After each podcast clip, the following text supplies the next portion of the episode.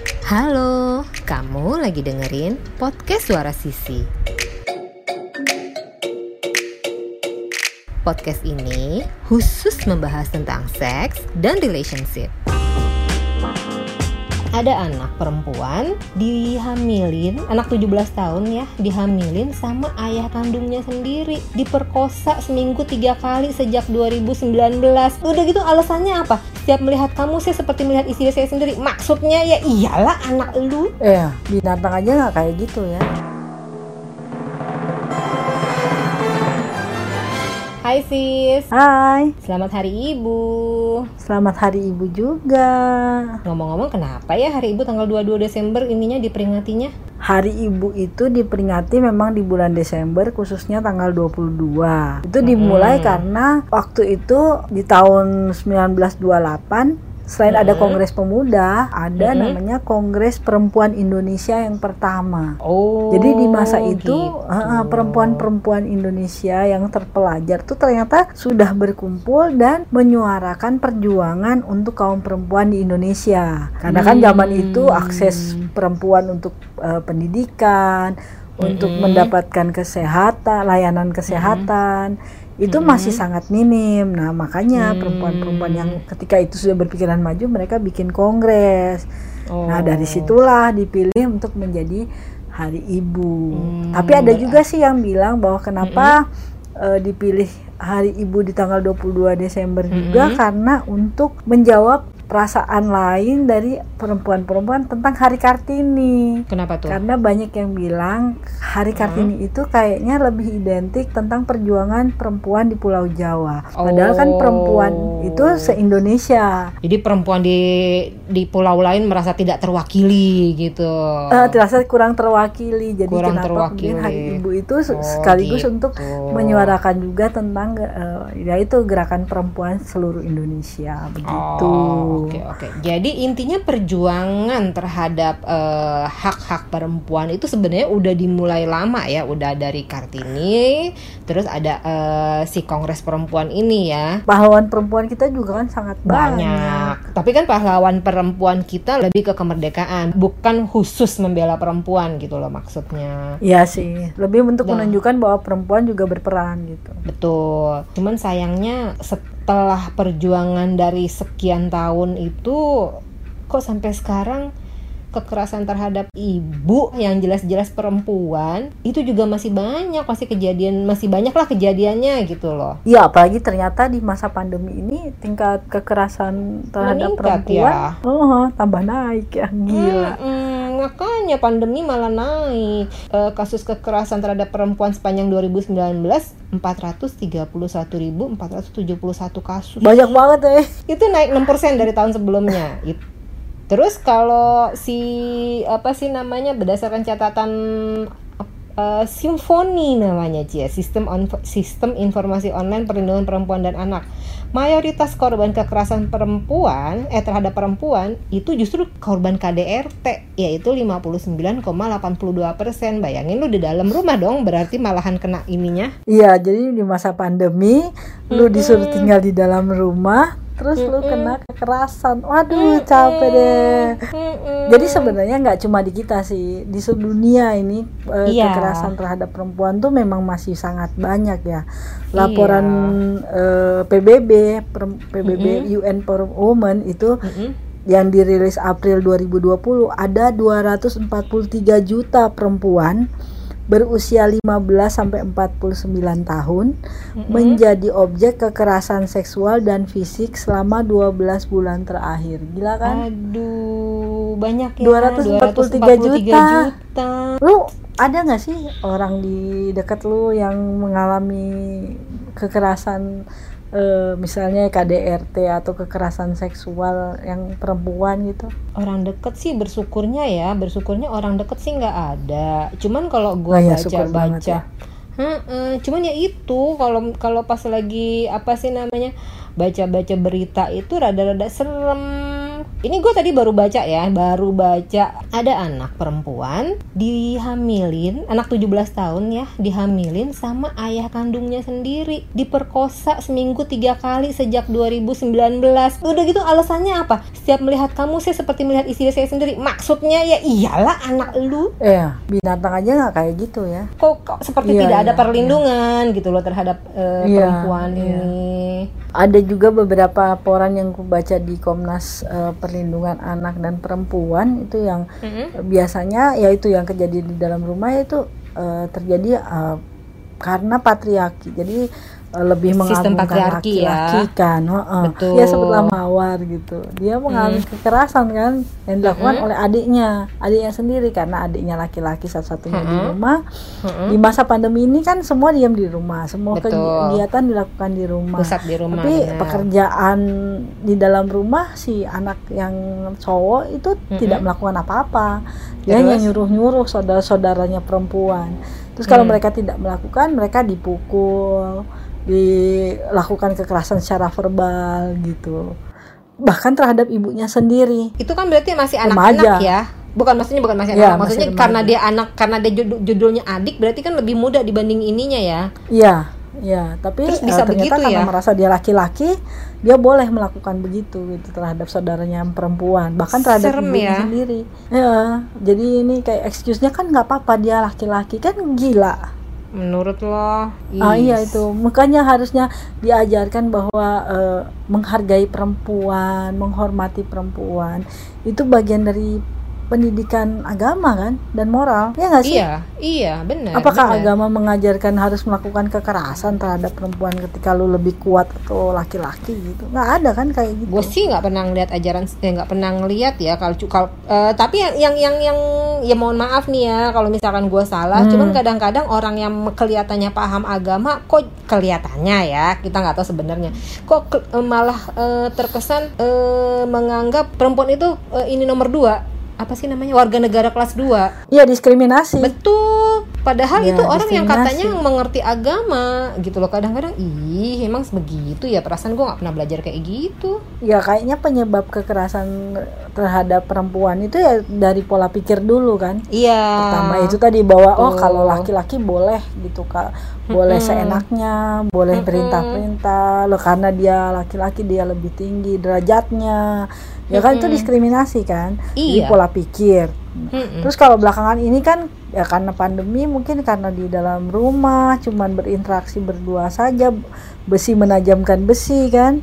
Heeh. Ah, terus kondisi ekonomi yang sedang sulit, Susah. terbatas. Bikin orang gampang nah, biasanya emosi. terhadap yang lebih lemah. Iya, yaitu yang yang menurut yang yang terlihat lebih lemah gitu kan ya jadinya. Iya, di- kan gila ya itu namanya. Tapi gue bener-bener nggak ngerti sih masalah kayak gitu. Artinya eh, ya nggak tahu ya mungkin karena emang dasar aja gue tidak memahami konsep yang perempuan adalah warga negara kelas 2 Ah, ya itu tadi mungkin kita berdua beruntung eh, dibesarkan di lingkungan yang menghargai perempuan apa adanya ya perempuan as eh, human gitu kan. Mm-mm, Tapi mm-mm, eh, ternyata banyak di luar sana yang masih menganut sistem perempuan dan itu tadi eh, kelas 2 derajatnya lebih rendah, dianggap eh, remeh, tidak dia eh, tidak di eh, berharga gitu. Padahal kan Mm-mm. eh, nggak seperti itu gitu. Eh, sebagai eh, mana makhluk ciptaan Tuhan kita tuh kan sejajar gitu. kesampingkan dulu agama tapi satu lu me- Iya. me- merendahkan perempuan emangnya lu lahir dari mana dari batu Nah itu kenapa lu tidak menghargai kalau lu tidak menghargai perempuan berarti lu tidak menghargai orang yang sudah melahirkan lu gitu loh Iya, itu nah, aja itu sih dia. prinsipnya itu tadi yang gue bilang bahwa eh, mindset ya eh, cara berpikir yang masih menganggap ada perbedaan antara pekerjaan laki-laki dan pekerjaan perempuan Iya. misalnya Hmm. di dalam rumah tangga bekerja Hmm. cuci piring memasak Hmm. semua urusan rumah tangga yang berkaitan dengan kesibukan di dalam rumah tangga adalah urusan perempuan Mm-mm. dan laki-laki merasa tidak perlu ikut campur di urusan itu kan itu suatu hal yang salah lah kalau Dulu tinggal ya. bareng di Mm. situ Iya. enggak banyak yang masih begitu dulu kalau temen gue misalkan anak laki gitu ya temen gue eh, terus eh, Hmm. cari istilahnya dia belum nikah terus cari istri dia sebut lah eh, yang begini yang begini kriterianya kriterianya Harus gue bisa bilang sama memasak. dia "Ha-ha, harus bisa masak lah harus ini gue bilang sama dia sebentar lu daripada pusing-pusing cari istri mendingan lu cari pembantu lebih gampang begitu iya dong ya cari cari asisten rumah tangga aja Iya. gitu kan jelas kriterianya terpenuhi bisa memasak mencuci menyetrika Ah, menyapu, kewajibannya mengepel. dia udah Ah. aku tuh pernah menemui orang yang bertamu di rumah orang Mm-mm. terus eh, melihat ibunya sedang memarahi istrinya karena menyuruh suaminya meminta tolong suaminya mengangkat jemuran itu kan pekerjaan perempuan sementara istrinya sedang mengurus anak bayi yang baru lahir terus kalau hujan jemuran doang ya? basah Heeh. iya Berarti kan Nggak. pekerjaan mengangkat jemuran hanya dilakukan oleh perempuan. itu berarti dari perempuannya sendiri ya. bener dong si ibu itu Iya, menyalahkan jadi diajarkannya sama, menyalahkan Ah. yang perempuan juga. Iya, memang memang itu yang bikin yang bikin nyesek adalah kadang seperti itu perempuan menyalahkan perempuan bukan perempuan membela perempuan. Sama kayak eh, kalau mungkin kita lari sedikit kalau misalkan lu diperkosa atau lu di atau lu di eh, ada pelecehan seksual di mana di jalan. ya. Ah-ah. Itu yang pertama ditanya sama teman orang sendiri lain lah. gitu. Ha-ha, nah, yang ditanya sama temennya dia yang kelihatannya care, yang sesama perempuan, lu pakai bajunya gimana emangnya?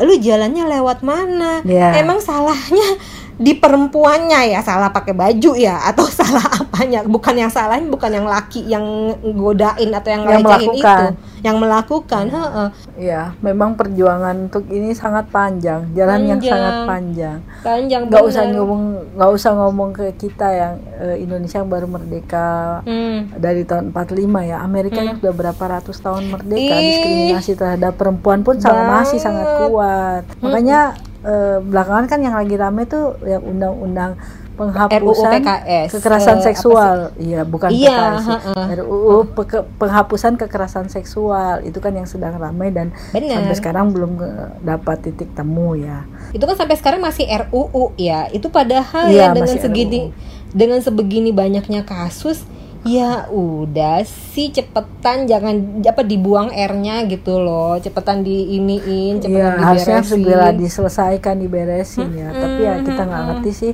Iya, Tapi yang mungkin langkah yang bisa kita lakukan sekarang ya mungkin itu tadi coba terus mengingatkan kepada teman-teman kita yang Betul. eh, sesama perempuan gitu bahwa harus care gitu. Eh, harus jika ada teman atau orang dekat kita yang kita lihat mengalami kekerasan ya kita harus bisa membantu paling iya tidak ngasih tahu gitu lu Mm-mm. bisa kok kabur ke tempat gue gitu atau Mm-mm. bagaimana. Atau Iya ada nggak sih? tempat tempat perempuan-perempuan? Setahu gue kan udah banyak nih didirikan apa segala macam ada nggak sih tempat perempuan-perempuan ini bisa mengadu tanpa dia takut?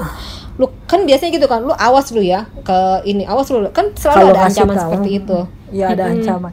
Tapi kan eh, belakangan kayaknya Komnas eh, Perlindungan eh Komnas Perlindungan eh, Kementerian Perlindungan eh, Anak dan Perempuan itu Mhm. eh, punya eh, line khusus gitu di Oh, semua media udah ada ya sosial berarti ya. mereka buka Mm-mm. untuk pelaporan apalagi di masa pandemi ini buka pelaporan secara online Mm-mm. Eh, mungkin bisa dicatat nih bagi yang Mm-mm. lagi mendengarkan podcast Suara Sisi. Mm-mm. Itu ada pengaduan Kementerian PPA di 0821 Mm-mm. 2575 1234 Mm-mm. atau di 0811 1922 91.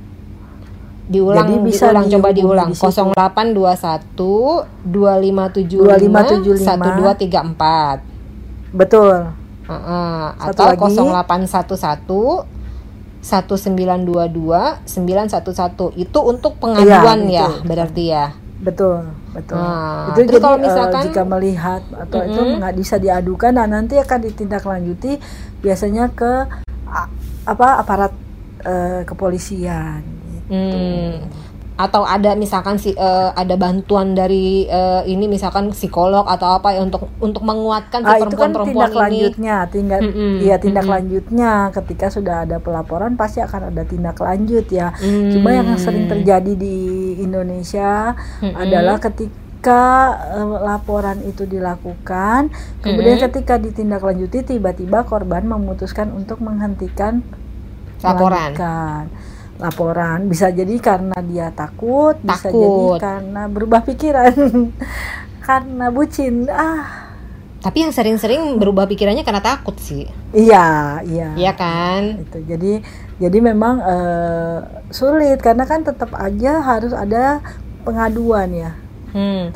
Ya asal eh, yang mengadu ini eh, benar ya ditindaklanjutinya bukan balik lagi, bukannya malah dia si korban malah jadi di makin diberatkan itu aja sih. Kadang-kadang itu yang suka bikin orang mundur kayak itu. Iya sama eh, ternyata kekerasan terhadap perempuan terutama terhadap anak perempuan Hmm. itu malah terjadi di lingkungan perlindungan anak beberapa Nah. kasus begitu. nah kan dan itu kan? sangat mengerikan.